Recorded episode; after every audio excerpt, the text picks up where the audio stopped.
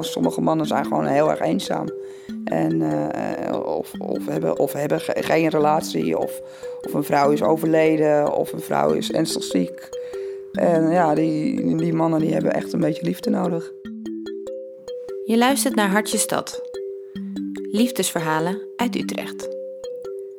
Dit is het verhaal van Kaya. Drie jaar geleden stond ze in kanten lingerie en Lies Laarzen op een van de boten van het zandpad. Ik was nee, 18 eh, toen ik begon. Net 18. Um, ik was uh, student en uh, het leven bleek iets, iets duurder te zijn dan ik dacht. Ik woonde in Den Haag en was eens uh, langs een, een raamprostitutiegebied gelopen. En ja, vanaf daar is het eigenlijk begonnen. Het, dat trok me en het, het, interesseerde me. En toen ben ik in contact gekomen met een vrouw die daar werkte. En daar heb ik een, gesprek mee gevoerd. En toen heb ik er nog twee weken goed over nagedacht.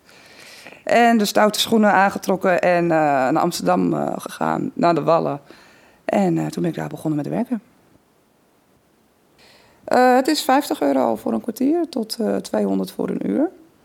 En zijn er ook nog, nog handelingen waar je extra geld voor kan vragen. Massage bijvoorbeeld, dat doe je dan 50 voor een half uur, maar seks doe je 50 voor een kwartier. Uh, er zijn uh, ook, ook uh, bijvoorbeeld zoals likken, daar kan je ook extra geld voor vragen. Dat het lekker verdient, was niet het enige wat Kaya trok in het werk. De, de spanning, rode licht.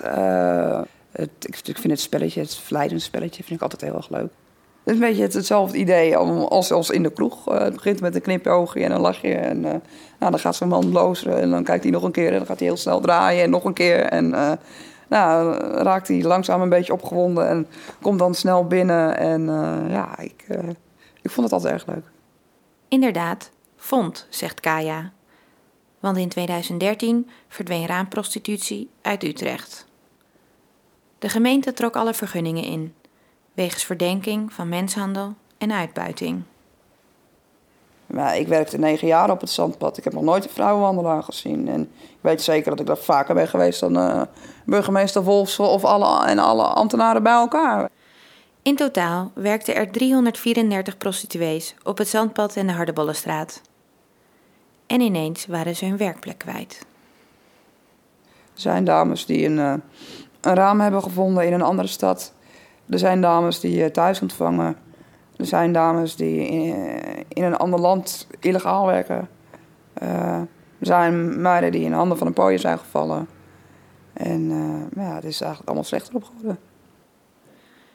Sindsdien heeft Kaya een doel voor ogen.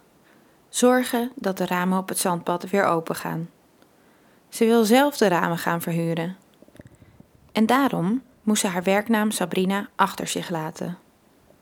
En dat vond ze in het begin best even moeilijk. Iedereen kan de vooroordelen wel bedenken die horen bij het werk van een prostituee.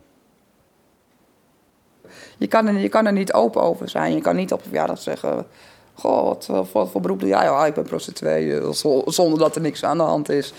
De meeste mensen vinden prostitutie wel oké.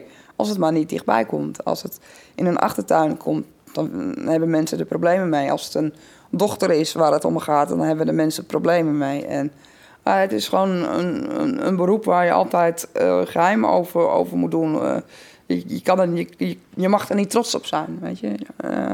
mensen ver, ver, veroordelen, veroordelen je. Dus je hebt, je, het gevoel dat je moet verstoppen. En je wilt je niet je hele leven lang verstoppen. Dus ja, je, je gaat ervan uit dat het een tijdelijk iets is.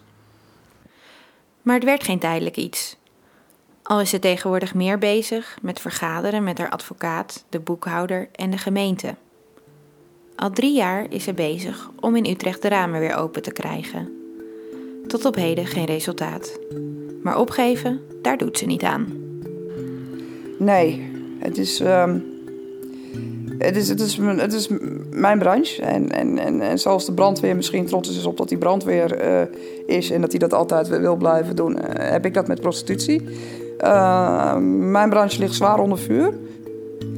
En, ja, en ik wil me toch van me laten horen om, om, om, om burgemeesters en politici uh, door te, te, laten dringen dat, dat dit niet de manier is om, om, om vrouwenhandel uh, aan te pakken. Want op deze manier vergroot je alleen maar vrouwenhandel. Ja, het, zal altijd een, een, een, beroep blijven wat ver, ver, veroordeeld wordt, maar ook een beroep wat nooit zal verdwijnen.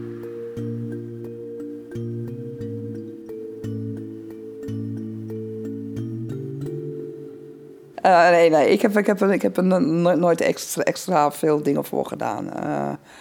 Nou, het is eigenlijk al topsport. Als je gewoon normaal leeft, uh, je gebruikt geen drugs, je sport één keer in de week, je, je, je, eet gewoon gezond. Je hoeft niet overdreven gezond, gewoon lekker Nederlands, lekker groente, vlees en aardappelen. dan kan je het jaren volhouden.